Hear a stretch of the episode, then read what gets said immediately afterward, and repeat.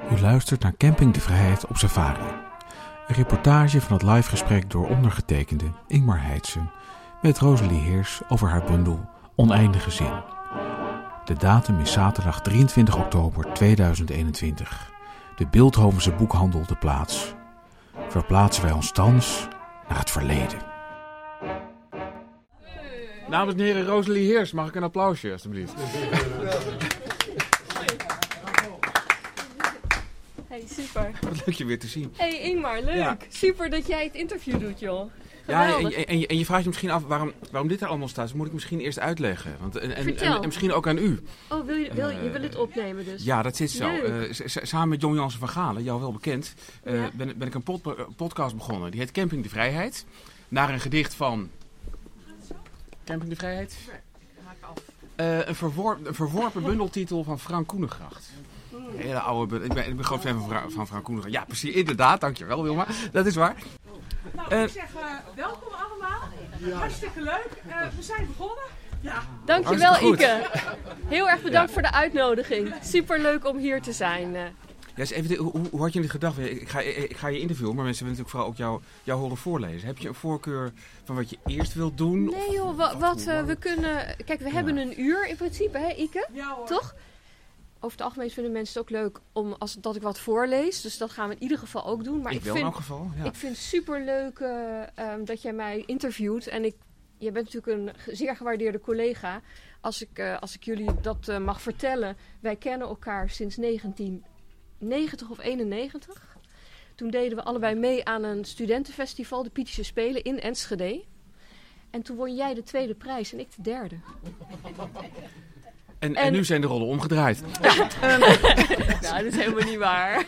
ik, was vergeten, ik was vergeten van die Pieterse Spelen, maar ik weet het nog wel. ja, Het was best... En, en we hebben toen geschreven ook. We hebben zelfs gecorrespondeerd. Ook met, trouwens met, met de eerste, de man die de eerste prijs won, Jan Zwart. Een, Oh, een ja. man uit eh, Groningen. Ik vind het allemaal leuk. Maar, maar, maar het, is, het is dus heel grappig. Zo lang ken ik jou dus al. En dat is best bijzonder, want eh, ehm, dat is lang voordat ik echt officieel zeg maar, toetrad tot de literaire wereld. Voordat mijn bundel werd gepresenteerd.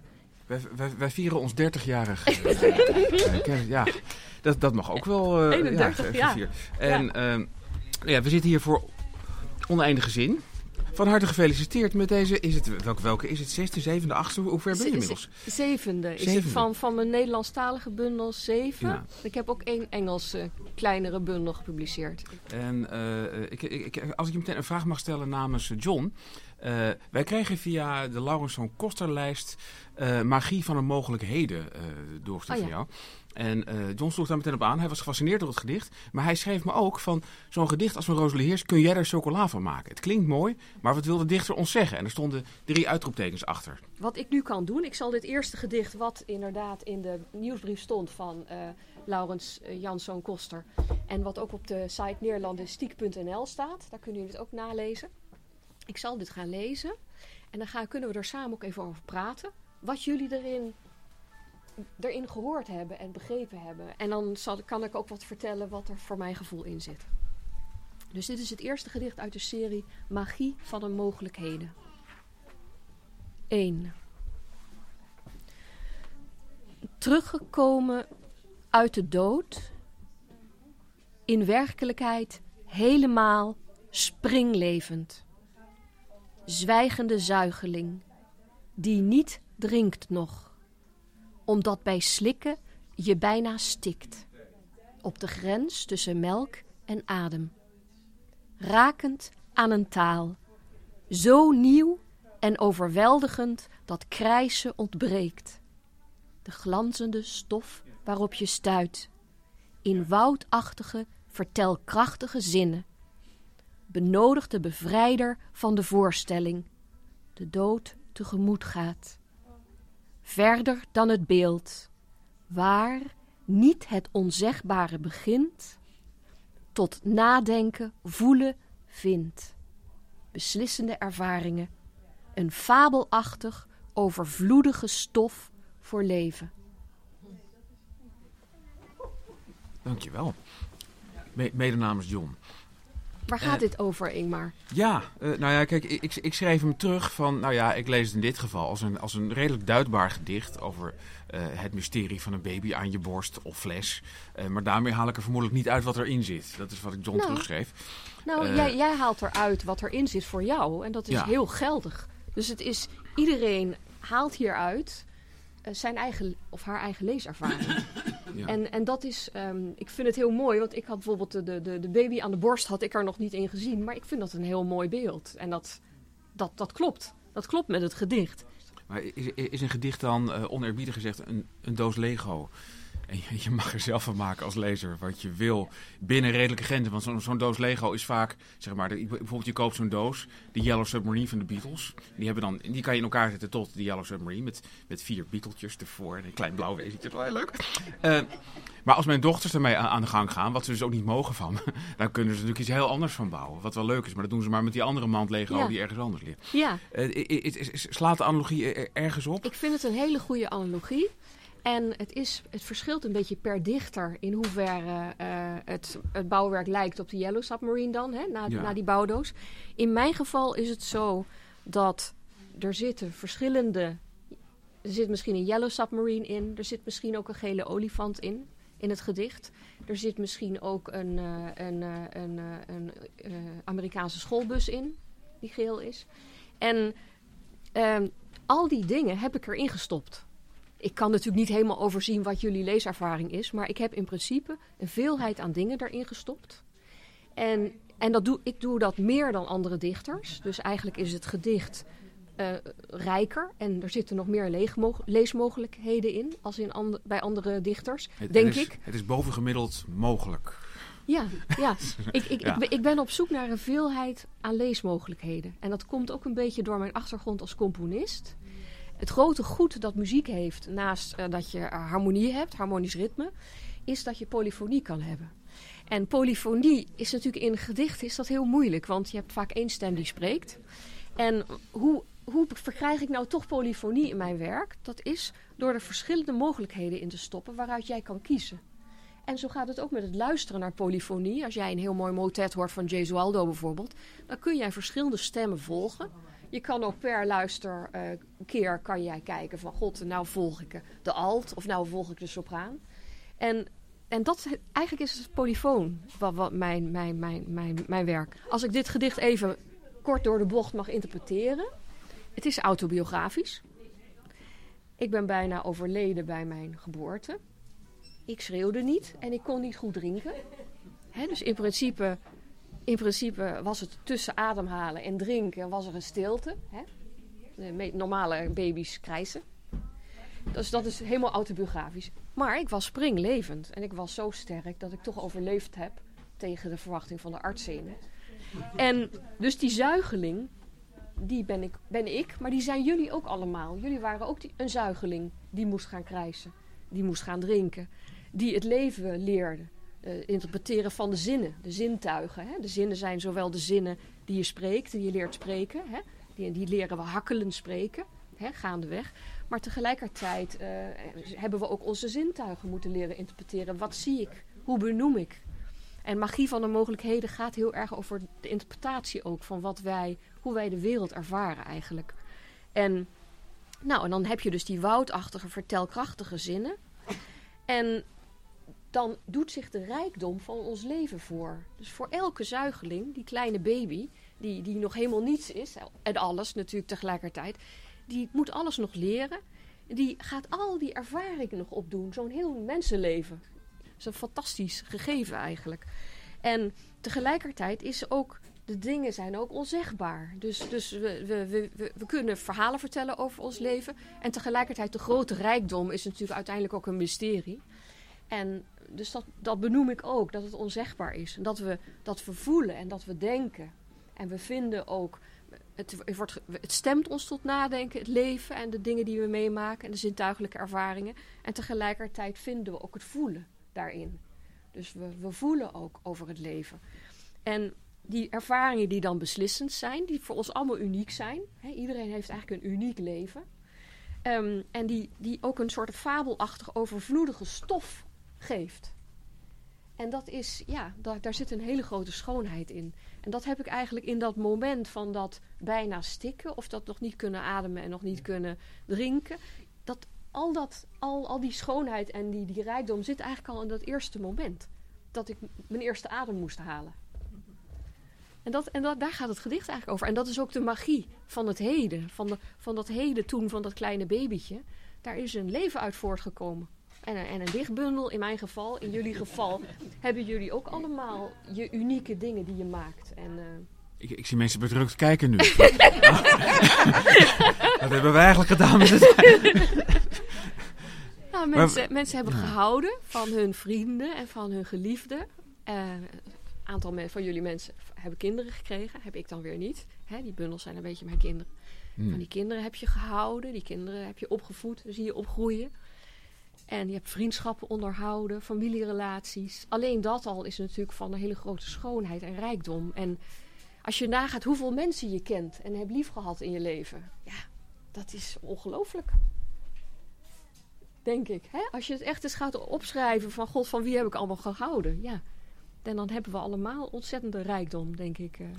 Ik, eh, ik geef het door aan John, dan weet je een beetje welke, welke kant het op moet. Uh, eens even kijken. Ik, ik wil, als het mag... Ik lust wel een kopje thee. Zou ja, iemand dat ge, ge, geef die vrouw een kop thee. uh, ja. wat, wat, wat, wat ik me afvroeg... Uh, het, het is, is die, ja, laat ik het zo zeggen. Het is misschien een wat moet ik het goed formuleren? Uh, je hebt in feite een bepaalde uh, uh, ja, mogelijkheidsverruiming in je, in je, in je poëzie. zit daar ontwikkeling in? Want ik heb, ik heb een beetje teruggelezen, vooral in de laatste drie, vier bundels, want daar kreeg ik het zetwerk snel van. De rest zit in de doos en kon het maar niet vinden. ik heb de indruk dat je die, dat niveau van mogelijkheden, dat je dat al best snel gevonden hebt, zeg maar. Dat, okay, er niet, dat het niet zo fluctueert. Maar de vraag is, leuk. Zie, ik, zie ik dat goed of is dat ja, pure dat interpretatie waanzin? Nou, ik vind het ontzettend leuk dat je dat ziet. Uh, en dat klopt, denk ik. Want als je bijvoorbeeld naar mijn debuut kijkt, daar zitten de mogelijkheden in, um, de verhalen. Uh, dat gaat eigenlijk over de verhalen waarmee ik ben opgegroeid. Ja. De, de, mythologische verhalen, de verhalen van sprookjes, van de Bijbel. Hè. Ik ben, we zijn niet echt katholiek opgevoed, maar ik heb wel op, in Duitsland uh, religionsleren gehad. Nou, dat was dan voornamelijk ja. verhalen lezen en daarover praten, interpretatie eigenlijk. Hè. Dus een soort ja, vorm van uh, jonge theologie, zeg maar. Wat, wat, het, is, wat... het is een klassiek debuut, hè, wat dat betreft. Omdat je natuurlijk ja. ook van de, dat, dat, dat hoorde zo. Dat ja. je, dat je, maar, je maar, voorbeelden gaf en aanhaalde. En, maar weet je wat het leuke is, Ingmar? Het, is, het schijnt klassiek, maar het, het, het is een best wel gek werk eigenlijk, achteraf gezien. Want wat ik deed, ik gaf als vrouwelijke dichter, en, en mannen vonden het ook heel irritant, mannelijke, niet allemaal, maar een aantal mannelijke recensenten waren geïrriteerd door die poëzie.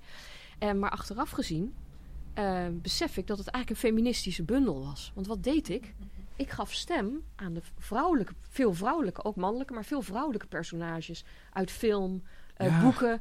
Uh, en die vrouwelijke personages waren natuurlijk altijd door een man geschreven, vaak.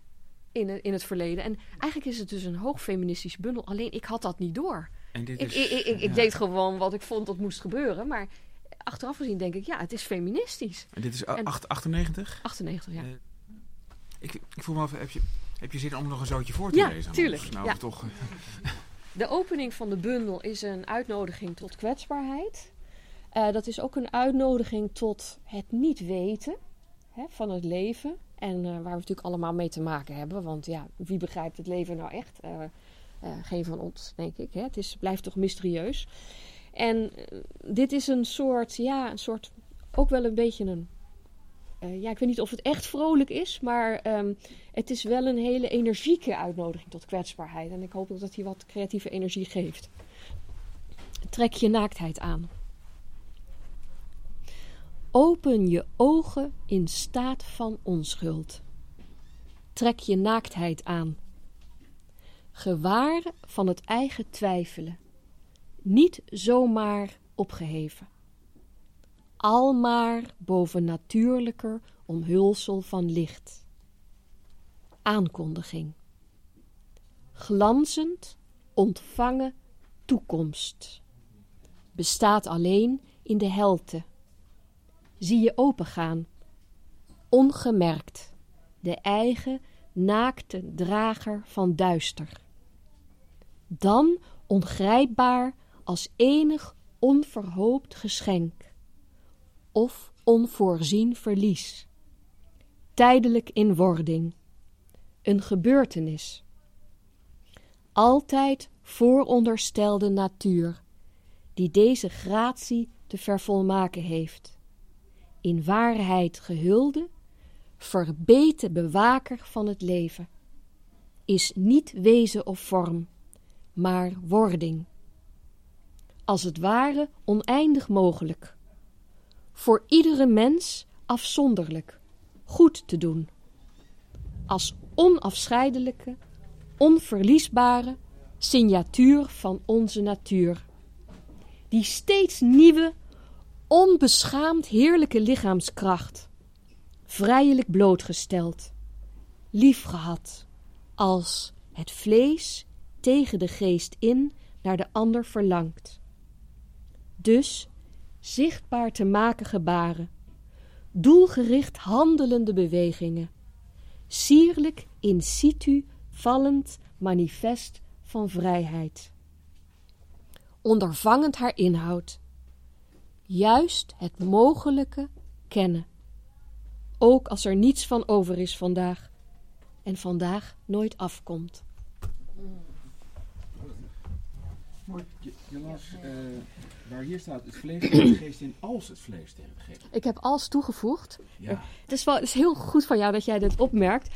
En kijk, ik heb, van dit gedicht heb ik een partituur gemaakt. Met eigenlijk adempauzes. Hè, want ik moet toch een interpretatie geven op het moment. Ik heb bijvoorbeeld een gebeurtenis heb ik omcirkeld. Want een gebeurtenis is eigenlijk het centrale ding. Die gebeurtenis is iets... Ja, ons leven zit vol gebeurtenissen. En zeg maar die schoonheid van die gebeurtenis voelen. Dat is eigenlijk het leven. Hè? Dat is eigenlijk hè, de, stroom in de stroom van het leven zitten. En die wording heb ik ook onderstreept. Dus die, die bewaker van het leven is ook onze levenskracht. Hè? Dat is de zin in het leven. Is waar ook de, de titel van de bundel naar verwijst. Oneindige zin is natuurlijk een beetje uh, uh, uh, grootheidswaanzin. Want we hebben geen van alle oneindige zin. Maar ik streef wel naar de oneindige zin. Dus ik schreef ook naar het weglaten van punten en komma's. Dus eigenlijk naar die stroom van het leven en de levenskracht. En deze bundel is ontstaan tijdens mijn menopauze. Toen ik helemaal geen zin had in dingen. Hè? Want, je, want je, de, zekere zin is die de oestrogeen en die progesteronspiegel die de hele tijd fluctueert elke maand. Die geeft zin in het leven en in van alles. En in creativiteit ook. Um, en ik had helemaal geen zin. En ik voelde me een beetje depressief en een beetje angstig. En ik dacht, ja, wat moet ik nou? En die bundel is ook echt een ode aan het leven. Het gaat over het hervinden van de zin. En magie van de mogelijkheden is een beetje de sleutelafdeling van dat ik deal met dingen als dood, ook doodgaan van anderen en wat heeft het allemaal voor zin. En, en dan vind ik eigenlijk die zin in de ontmoeting met de ander ook. En dat, daar gaat hand in hand over. Dus die bundel culmineert eigenlijk, die zin culmineert dan in, ja, de beeldspraak is dan de seksuele zin. Maar dat is ook in overdrachtelijke zin de ontmoeting. Dus de zin in de dialoog, in de uitwisseling via de dialoog. Ik, heb ook een cyclus over ruimte. Dat is, die heb ik geschreven in opdracht van Magiel, mijn man. Die is architect. En dat gaat eigenlijk over het huis en de verschillende kamers in het huis. De, uh, er is een cyclus dus over uh, mijn, mijn, eigen, de eigen ruimte. Dat is eigenlijk dus die naaktheid hè, die, je, die je moet vinden. Dus het, niet weten. Ik ga ook helemaal naar de kosmos en de, zeg maar het oneindige. En de zoek, onze zoektocht naar kennis eigenlijk over de kosmos. En ik heb de ruimte dus met de ander. Dus de ontmoeting eigenlijk tussen twee mensen. En, en daar gaat deze cyclus over, hand in hand. Hand in hand. 1. Kus me met je kussen, de kussen van je mond. Je adem uitgegoten naam van de geliefde, die zich verspreidt als vanzelf. Zo geliefd ben jij. Trek me snel mee, laat ons weggaan, heel ver weg. Hand in hand zingt het hoogste lied zijn liedjes, verbrijzelen stenen. Dan weer tovert paradijselijk in den beginnen de aarde haar hemelse wolken. Met de snelheid van vogels, lichtheid van kinderen, bloeiend in het vuur van de zon, in de dondergang, onbeschrijfelijk, onuitspreekbaar, niet uit te drukken als sproeten het hele gezicht bedekken. Het leven dan weer dood is. en dood dan weer leven. Lieflijk blauw en asgrauw tegelijk. Zo heb ik je gevonden, mooiste. Ja, je bent mooi in de middag. In ons bed, dat groen van kruid tussen cederbomen ligt. De hoeken van ons huis, onder een dak van sparren, starren in de nacht.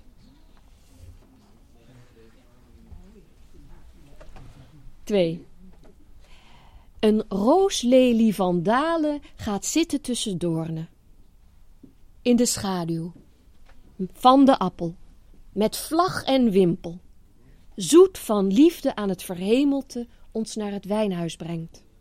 Met rozijnenmost versterkt. Als je linkerhand onder mijn hoofd ligt en je rechter proeft hoe het smaakt, dan bezweer ik bij de reeën en hinden in het veld dat liefde niet gewekt of opgewekt, tot ze vanzelf naar lust verlangt. Zo komt jouw stem, geliefde, aanspringen over bergen, aanhuppelen over heuvelen, als een jong hert blijft staan naast onze muur en door het raam kijkt, zegt: Kom, doe je open, sta op, ga mee met mij. Is de winter voorbij, de plasregen over? Dan laten de bloemen zich zien in het land, geboren met de stem van de tortelduif. Kleuren de vijgenbomen hun jonge vruchten. Sta op, vriendin, en kom dan, duifje, in het verborgene van de rotskloof, in het berglandschap. Toon je gezicht, want je gezicht is lief, zo mooi is je stem en zacht van kleine vossen, die wingerd bloeiende plunderen. Ook onze jonge druiven, mijn geliefde, ben ik van jou en jij van mij. Zolang we tussen lelies grazen, de dag koel verwaait, schaduwen wijken, kom weer dichterbij en dichterbij een ree of hertenjong over bergen. als theoloog zeg ik ook hooglied. Dat is heel, heel goed opgemerkt. De cyclus is ontstaan um, omdat ik de opdracht kreeg om een muziekstuk te schrijven door een Duitse stichting. En dat moest een ode aan Hölderlin worden, de dichter Hölderlin. En um, ik heb toen uh, dat, al het werk van Hölderlin gelezen. Omdat ik in Duitsland ben opgegroeid, heb ik het allemaal in Duits gelezen. Maar ook in de Nederlandse vertalingen en Engelse vertalingen die ik kon vinden. Ik, zal ook een, citaat van uh, Hölderlin voorlezen. Dat zit in het eerste gedicht. Dat is lieflijk blauw en asgrauw tegelijk. Dat is, dat is van Hölderlin. Maar ik vond verder het werk van Hölderlin een beetje ouderwetsig. Dus ik dacht van ja, ze hadden mij gevraagd... je kunt over het leven van Hölderlin wat schrijven... of zijn werk gebruiken, daar iets mee doen... en een nieuw gedicht mee schrijven, want ze wilden graag echt nieuw werk... En toen dacht ik, ja, wat moet ik nou doen? Uh, want ik, ik vond die, die hoogromantiek, ja, het was een beetje te zwaar, zeg maar, voor, voor mijn muziekstuk. En ik dacht toen van, ja, wat is nou zo het meest karakteristiek aan zijn leven? Nou, dat is toch zijn tragische liefde voor Diotima, uh, noemde hij haar. De, de, de, de, vrouw van zijn baas. De moeder van de kinderen op wie die, die, die les moest geven als uh, huisleraar. En dat is allemaal heel tragisch geëindigd. Zij beantwoordde waarschijnlijk zijn liefde wel, maar ja, ze konden niet samen zijn. En uh, zij is jong overleden uh, na de scheiding, gedwongen scheiding dan door de, door de echtgenoot. En hij is ja, toch min of meer gek geworden. Wat hij waarschijnlijk natuurlijk al in zich had, maar het heeft het waarschijnlijk wel bespoedigd. En dat is heel erg tragisch. En, en ik dacht van ja, zal ik over die tragiek schrijven? Um, toen kwam ik uiteindelijk toch op het verlangen. En ik dacht, het verlangen is eigenlijk wat zijn werk heel erg uh, heeft doordrenkt. Het verlangen voor die onbereikbare geliefde. En ik dacht van ja, dat moet dus dan een stuk over het verlangen worden. En toen moest ik denken aan Jan Kuiper, die me al heel jong in mijn scheppende leven had gewezen op het hooglied. Hij zegt eigenlijk schrijf jij iets wat lijkt op het hooglied. Want mijn tweede bundel, die trouwens, uh, dat zeg ik even voor jou, de filosoof, uh, heel erg uh, geïnspireerd is op Deleuze, op Mille Plateau van Deleuze in die bundel, ja, ik schrijf eigenlijk altijd liefdespoëzie. Ik kan eigenlijk niets anders dan liefdespoëzie schrijven. Voor de lezer, of voor de taal, of voor de geliefde. Is het mogelijk om iets anders te schrijven? M misschien, nou ja, ik ben heel blij dat je het met mij eens bent. En niet, niet al onze collega's zullen het met ons eens zijn. Maar, maar toen dacht ik, ik wilde over verlangen schrijven. Ik dacht, ja, dan moet ik dus naar het hooglied gaan kijken. En toen heb ik alle vertalingen die ik kon vinden, heb ik bekeken. En ik ben toen eens gaan, ja, ben toen eens gaan kijken. Ik dacht, ja, het is toch wel ontzettend mooi dit. En, en, en, en toen heb ik eigenlijk met, samen met het Hooglied heb ik toen deze cyclus geschreven. Het is dus wel degelijk een interpretatie op Hölderlin en op het Hooglied. Als, en dan een beetje gecombineerd. En ik heb het derde gedicht wat ik nu ga voorlezen, is het centrale deel van het muziekstuk geworden. Daar ben ik toen mee begonnen en het moest een stuk van 15 minuten worden. En toen had ik dit gedicht alleen gezet en toen was het al 15 minuten. Dus toen kon ik helaas niet de andere gedichten ook uh, zetten. Ja, zo gaat het soms met de muziek. Hè. De muziek is heel lang van stof vaak. Uh, heeft maar weinig woorden nodig en er zit al vaak heel veel in. En dat is het muziekstuk hand in hand geworden. En als je, wie het wil horen, op 5 december om half elf ochtends gaat het op de VPRO Vrije Geluiden. Op NPO 2 Extra. Dus je kunt het eventueel nog muziekstuk ook beluisteren. 5 december, Ja. ja. goed onthouden. En de verjaardag van mijn man toevallig ook. Dus dat vond ik wel een leuk toeval. Maar dat is, dit is hand in hand 3. S'nachts zoek ik wie verliefd is, maar vind je niet. Dan sta ik op om door de stad te gaan. Door steegjes, over pleinen, daar zoek ik je, maar vind je niet. Dan vraag ik aan voorbijgangers: zag je hem van wie ik houd? Dan vind ik je en pak je vast en breng je naar het huis van mijn moeder, haar binnenste kamer, die op haar trouwdag mij baarde, al kroonde met kwaliteiten en fouten. Je bent mooi, zeg je, vriendin. Je ogen zijn duiven, je haren een sneeuwlawine van het gebergte afgolvend. Je tanden een rij wolken, juist stappend uit de rivier. Als een snoer tussen je lippen, gescheurde granaatappelrode, machtige mond, van slaap tot slaap, zeeschelpen bellen aan je oren. Voor je torenhoge hals smeet ik goud met zweet en zilverstippen. Breek het harnas open, de wereld. Hang alle schilden aan de wilgen. Je borsten, kleine katten, een reeëntweeling, grazend tussen lelies.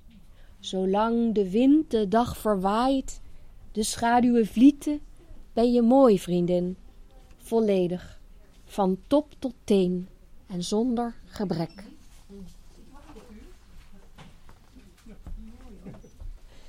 Wat, wat, wat, wat wel interessant is wat hier gebeurt, en dat, dat zit ook in de structuur van het hooglied, is dat je hebt verschillende sprekers. En ik ben natuurlijk vrouw, dus ik spreek toch mijn vriend aan. Hè? En tegelijkertijd laat ik ook mijn vriend tot mij spreken in dit gedicht. En dan heb je dus de vriendin. Dan word ik zelf eigenlijk toegesproken. En in zekere zin is dit derde gedicht ook een beetje. Het is een zoektocht naar de geliefde. Je weet niet helemaal zeker of de geliefde nou wel of niet gevonden is. Het kan ook een fantasie zijn. Wat natuurlijk in het geval van Hölderlin het geval was. Hè? Dus het verlangen en de, de fantasie, hè? de torenhoge hals en de zeeschelbellen aan je oren. Het is ook een zekere zin de verbeelding die spreekt. En, en dat is, ja, ik denk dat, dat, wel, dat dat deze cyclus ook wel interessant maakt. Ik had hem geschreven en toen dacht ik, ja, Rosalie, er klopt helemaal niks van. Eh, dan spreekt de man weer en dan de vrouw weer. En, en uiteindelijk heb ik het zo ge, uh, omgevormd dat ik leg eigenlijk de woorden in de, de mond van, van mijn geliefde. In dit geval, hè, de laatste deel van het gedicht. En dat is dan ook de verbeelding of de fantasie. En, en, en dan is het misschien ook uiteindelijk ook aan de lezer om dan te interpreteren: hebben ze elkaar wel ontmoet of niet? In dit, uh, en dat is ook in het muziekstuk het geval eigenlijk. In het muziekstuk, kijk, de componist interpreteert natuurlijk meer dan, dan, dan de. geeft eigenlijk een interpretatie van het gedicht. Hè, als hij of zij uh, het gedicht toonzet. En ik heb eigenlijk als componist in het muziekstuk het wel geïnterpreteerd dat de geliefde niet gevonden wordt. Want het eindigt dan met kus me met je kussen. Terwijl eigenlijk je weet dat, dat, dat het, uh, ja, toch dat, dat verlangen nog steeds die hoogtij viert. En dat, dat was ook mijn ode aan Hölderlin om dat zo te doen. Maar in, dit, in deze cyclus wordt de geliefde denk ik wel gevonden of kan gevonden worden. Willen jullie het vierde en vijfde gedicht nog? Van... Wat zei je? Oh, de kosmos. Uh, zal ik hand in hand even afmaken en daarna de kosmos doen? Ja? Hand in hand 4. Is een soort interlude, een soort herhaling van de bekende beelden al. En 4. Uh, Zo mooi zijn je blote voeten in sandalen. Je dijen als gebouwen, je borsten als vruchten, zo mooi is je lichaam, een kelk, in de hoop om lijst te zijn, door lelies, de slanke palmboom. Laat me in je klimmen om de vruchten te pakken. Laat je borsten als trossen aan de wijnrank zijn. Je adem als de geur van appels. Je mond overlopend van de beste wijn, die smaakt naar meer.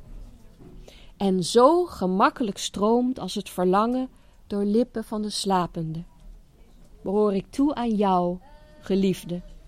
Kom, laten we het veld ingaan. Vroeg opstaan, slapen in de dorpen.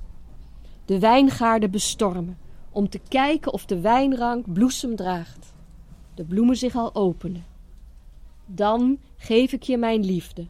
De alruin zal ervan stinken. Naast onze deur behangen met vruchten.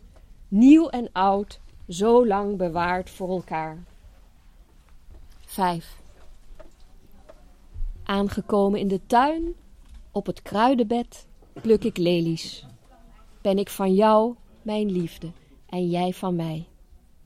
Vruchten verzamelend ben je mooi, overweldigend volmaakt, je machtige ogen, enig in hun soort, uitkijkend over de morgen. Zo licht de maan, zo helder de zon, die opgaat binnen een wolkenleger met wind en rimpel in de notenboomgaard.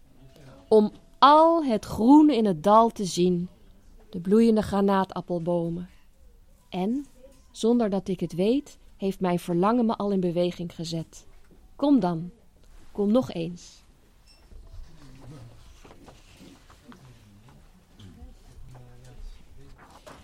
Ja, zal ik nog twee gedichten over de kosmos lezen? Of, of de kosmos komt erin voor. Het, is, het gaat natuurlijk eigenlijk over ons, maar... Gedicht gaat over de kosmos. ja, in zekere zin wel. Probeer daar maar eens omheen te klopt, klopt. Alles of niets. Het heelal zit helemaal vol niets. Intussen licht. Een ruimte. Duister en universeel. Net voor de vrije val die er nooit komt. Van kosmische fragmenten. Naar een rommelig struweel. Om uit te rusten van het onwelkome afscheid. De natuur die zichzelf voortdurend maakt. Evenzeer vernietigende gedachten bijeenraapt. Alle liefde, op het juiste moment, koppig de weg vergrotend. Naar een vormeloze ganse dag. Vermenigvuldige, veelvuldige gedaante zich tot heden. Zonlicht voor leven. In het raadsel van die extreem hete schil en te veel afwezigheid. Waar het kind een zucht slaakt. Door puberteit op weg naar de volwassenheid. Aarzelend in stijlkundige vernieuwing van abstractie naar figuratie.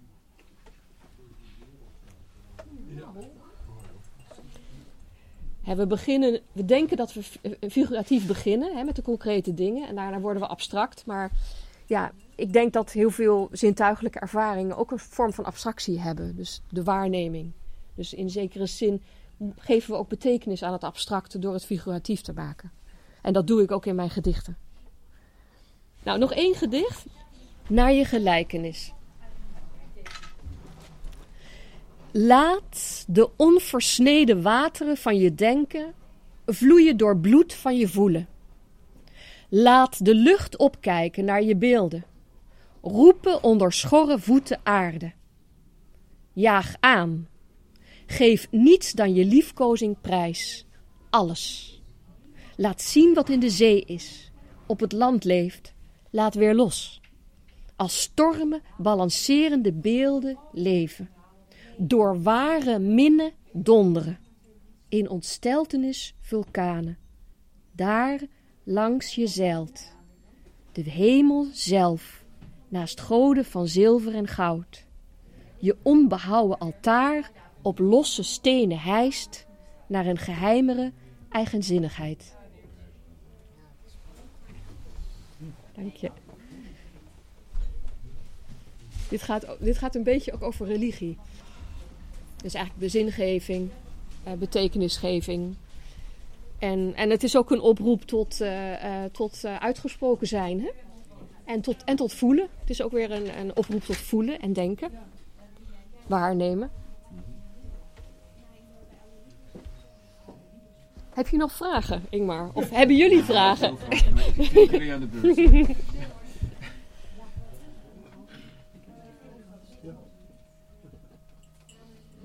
Nou, ik vind het prachtig, Rosalie. En ik vind het heel fijn om het jou te horen lezen. Dank je. Ja. Dank je wel. Ja, ik heb nog één vraag dan, als, als, als niemand ontrief. En anders ook wel. Ehm, het valt me op, en dat doe je in twee afdelingen. Dat je eh, inderdaad, juist in de afdeling die zich wat figuratiever, zou ik maar zeggen, ik, wil- ik Ja. vermijd het hier anekdotischer, eh, presenteren. Dat je op een gegeven moment dan ook overgaat op een gedicht waarin je gewoon de hersenen min of meer beschrijft. Of het bewustzijn. Ja. Bijna alsof je denkt van, eh, van oké, ik, ik ga nu wat verhalen er te werk. Maar dan wil ik het ook meteen even hebben over dat hele mechaniek waar het allemaal in gebeurt. Interessant, Is, ja. is dat, is dat een, ja, dat is bewust. Nou, dat, die, die serie waar jij nu over hebt, dat is de serie Ruimterecepturen. Ja, dat is eigenlijk turen in de, in de ruimtes van het huis. En dat Ja. was een opdracht van Magiel, en van, Ja. eigenlijk van Forum, voor het Ja. architectuurtijdschrift. ah ja. En ik heb voor elk themanummer, of voor elke ruimte van het huis, heb ik een gedicht geschreven. En dit was de anatomie van de technische ruimte, namelijk de Ah, anatomie van de technische kamer. Dat heet, was het themanummer. En de technische ruimte is het huis, is de kamer waar al het van het huis, waar alle bedrading en, eh, en alle regel eh, gedoe zit. En de, de, de, de, de stoppenkast. eh. en dat is een hele saaie ruimte eigenlijk. Want ik dacht, wat moet ik daar nou mee doen? Want ik wilde toch over de technische kamer gedicht schrijven. En toen dacht ik, wat is mijn technische kamer? Mijn technische kamer is, zijn de hersenen natuurlijk. Hè? Dat is waar alles geregeld wordt. En dat is een heel interessant beeld voor mij, omdat dat ook over de waarneming gaat. Hè? Dus alles in het lichaam, wat wij denken noemen en voelen, dat zijn eigenlijk natuurlijk cognitieve processen in de hersenen. Dus het voelen is ook een cognitief proces. We, we, we zeggen het gebeurt in het hart, eigenlijk gebeurt het natuurlijk in het hoofd. Voelen is een, vind ik trouwens leuk om nog even te noemen. Het verschil tussen emotie en gevoel. Eh, dat eh, is een heel interessant boek van Antonio Damasio. Eh, Zoeken naar Spinoza heet het. Het voelende brein. Nou, dat is een boek naar mijn hart. Ik heb dat boek met zoveel plezier gelezen. En hij beschrijft heel goed, naar mijn inzien, het, het, het, het verschil tussen voelen en emotie. En, want heel vaak wordt over poëzie ook wordt het, het ge- woord emotie genoemd. Hè? Waar is de emotie? Of is het er emotie in poëzie? En, en ik dacht, ja, voelen en denken is staat, eh, dat is wat ons mens maakt. Hè? Dat is wat ons, ons, ja, wat eigenlijk ons bewustzijn maakt. Een samenstel van waarnemingen, voelen en denken. En Damasio beschrijft heel interessant wat het verschil is tussen emotie en voelen. En dat heeft mij echt beïnvloed. En nou, dat gaat als volgt. Als jij emotie voelt, dat is een lichamelijke reactie. Dus bijvoorbeeld je voelt angst en je trekt samen en je, je rent weg. Dat is dan, voordat je hebt gevoeld, heb je de emotie en heb je de reactie al. Dus eigenlijk reageer je instinctief op de emotie. Op het moment dat jij zegt tegen jezelf, nou, eh, dat leer, doe je dan met een therapeut bijvoorbeeld, of eh, dat leer je van je ouders. Wat voel ik nou? Oh, ik voel een zware last op mijn schouders. Op dat moment wordt het gevoel. Want dan zeg jij, je hebt eigenlijk de waarneming, jij zegt, oh, ik voel een last hier in mijn lichaam. Ehm, als jij die emotie hebt gevoeld van die angst, oh, ik, ik, voel me, ik voelde me bang en daarom liep ik weg. Op dat moment, en eh, Damasio heeft dat wetenschappelijk, met wetenschappelijk onderzoek heeft hij dat ook eh, daadwerkelijk bewezen, dat in de hersenen, op het moment dat jij dus die emotie placeert in je lichaam, eigenlijk op de landkaart van je lichaam, hè, want we hebben allemaal een landkaart van ons lichaam, op dat moment wordt het gevoel en op dat moment kun je het benoemen en kun je het ook verwerken. En dat vind ik heel erg mooi, want dat is, een, dat is eigenlijk ook, dat verwerkingsproces is ook cognitief dus, gebeurt ook in de hersenen. Het is eigenlijk de landkaart van ons lichaam, waar zitten die emoties? En dat, ehm, en dat is ook, hoort ook bij waarneming en cognitie en dat hoort dus ook bij poëzie. Is hoopvol. Wat was jouw vraag ook? Oh ja, die anatomie van de technische ja, kamer. precies. Hoe, hoe, hoe, hoe kwam je ertoe? Ja. En ik, ik wou er nog eh, uit scoringsdrang denk ik nog aan toevoegen dat je in, in de afdeling context, eh, die, die, veel concreter, maatschappelijker, trendbewuster, eh, actualiteit, iro- ironiserender is in sommige aspecten. Klopt, Doe je eigenlijk het, het- nou, niet hetzelfde, maar maak je ook zo'n stap, klopt, maar dan naar het bewustzijn. klopt. Oh, En, interessant. ik, ik, vond, ik vond het een interessante echo en wat ik dacht, dat is nou typisch iets wat iemand niet altijd zelf ziet als hij zo'n bundel samenstelt. Ik was heel benieuwd ja. of je ziet, of je een- eens bent dat je op een ja, bepaald ik ben, moment het hetzelfde heel- doet. ik ben het helemaal met je eens. Ik ben En- het helemaal met je eens en ik vind het een ontzettend goede opmerking. En uh, dankjewel, ik heb gekoord. En, uh, is de Ja. Dus ik krijg een kwartje, Ja. dankjewel. Ja. En vervolgens is de vraag why. Ja, nou, kijk, het is zo. ehm, het, gaat, het, het leven is veelvuldig. Hè? Dus het is, je hebt veel indrukken. Je hebt veel dingen in een leven. Ehm, als jij een boek schrijft, dan, dan langzamerhand, terwijl je een boek schrijft, kristalliseert zich uit waar je op dat moment mee bezig bent. Dus je, je, je, op, op dat, bijvoorbeeld eh, tijdens het schrijven van logos was ik bezig met het lichaam. Dus er kwamen, in elk gedicht zat er wel een mond, een neus, een oog, een oor, een hart, een huid, een haar. eh, en, en dan gaandeweg, dan, dan denk, je, denk je van, ook oh, ik gebruik wel heel veel lichaamsdelen. Misschien moet ik wat minder lichaamsdelen gebruiken. En vervolgens denk je, nee, die lichaamsdelen zijn wel interessant. Blijkbaar is, ben ik nu bezig met een soort onderzoek van het lichaam. Nou, deze bundel gaat natuurlijk over die stroom van betekenis en van gevoelens, gedachten en, en uh, indrukken, waarnemingen, zintuigelijke dingen. Je hebt zowel je, je eigen gevoel natuurlijk, hè, dus het gaat ook over de ik. Het gaat over die ruimte met de ander. Het gaat over de ruimte bijvoorbeeld, hoe neem ik de ruimte van het huis waar? Hoe neem ik de ruimte, de grotere ruimte, het land, hè, de politieke ruimte, de maatschappelijke ruimte. En ook hoe neem ik de kosmos waar? Dat hoort er natuurlijk allemaal bij. Ja. Wat ik interessant vond, die contextserie is ontstaan als FLARF. Wat is nou de techniek hè, die ik gebruikt heb? Um, nou, dat ging zo. Je voert een zoekterm in, tussen aanhalingstekens. Dat kan zijn in Google of een andere zoekmachine. In mijn geval was het Google. En je maakt met alle posts die je vindt, met de taal eigenlijk die je vindt, die schrijf je op en daar maak je gedicht mee. Dus je beperkt jezelf, nou doe je dat als kunstenaar heel vaak. Je genereert eerst materiaal en vervolgens beperk je jezelf om tot een vorm te komen. En in dit geval heb ik het materiaal laten aanleveren door het internet, dus eigenlijk door de wereld. Hè. Het eerste gedicht bijvoorbeeld, is dat, is dat waarom? Ja. Ik kan wel even het begin voorlezen. Ik vind het zelf een heel interessant gedicht geworden, omdat het gaat eigenlijk over wat je je voor vragen stelt in het leven. Dus, en ik heb het woordje waarom dus weggelaten, want anders krijg je steeds waarom dit, waarom dat, waarom dat. En ik heb geprobeerd om de zinnen te maken met de gevonden taal. Waarom ben je alleen, op zoek, steeds zo moe, vegetarisch, altijd zo bezield, dan toch doe je wat je doet. DNA-onderzoek, donor worden, een bron van liefde. Vennootschap onder firma, geef je antwoord. Gim, heb je kinderen? Waarom een reisverzekering voor je vakantie? Rook je eigenlijk? Studeer je in het buitenland? Val je op mannen? Voel je je man, vrouw? Wil je geen kinderen? Word frui, bruin? Zeg mij waarom zijn er gedichten nodig? Dus je hebt eigenlijk een veelheid van vragen van mensen. Die doe je in één gedicht. En daardoor wordt het ook weer universeel. En wordt het ook weer een kleine kosmos of een kleine wereld wat ik interessant vond aan deze serie. Um, context is en wat de tekst tekst maakt, eigenlijk de glue. Dus dat kan grammaticaal zijn, syntactisch, maar het kan ook betekenis zijn. Dus in zekere zin zijn al die dingen de glue van het leven. En tegelijkertijd geeft de serie context ook context aan de bundel. Want je zegt, eigenlijk doe je een uitspraak over de wereld waarin je leeft. Omdat je materiaal laat zien wat je vindt. Dus dit is een hele essentiële serie om in die bundel te hebben. En het laat ook zien een soort vrijheid. Het laat ook zien dat je niet te veel op oude structuren, aan oude structuren vastzit. En die ruimterecepturen-serie. En toen had ik die knettergekke anatomie van de technische ruimte. Die eigenlijk een beschrijving is van hoe de hersenen eruit zien. Wat je natuurlijk nooit zelf kan doen. Ik, ik laat eigenlijk de ruimte zelf samenstellen. Dus ik zeg, Zet de linkerhelft aan de rechter hersenhelft. Verbind ze met aderen en venen. En maak er een hersenstam tussen. Sla een gat in je achterhoofd, zodat de aderen er doorheen kunnen. Ik laat je eigenlijk door je eigen hersenen reizen. En, en daarmee wil ik ook afsluiten, tenzij jij nog een vraag hebt. Kijk, eigenlijk is het een reis door de verbeelding. En je kan dus in je verbeelding door de kosmos reizen. Door alle kamers van het huis. Je kan door je eigen hersenen reizen. Je kan over het internet reizen.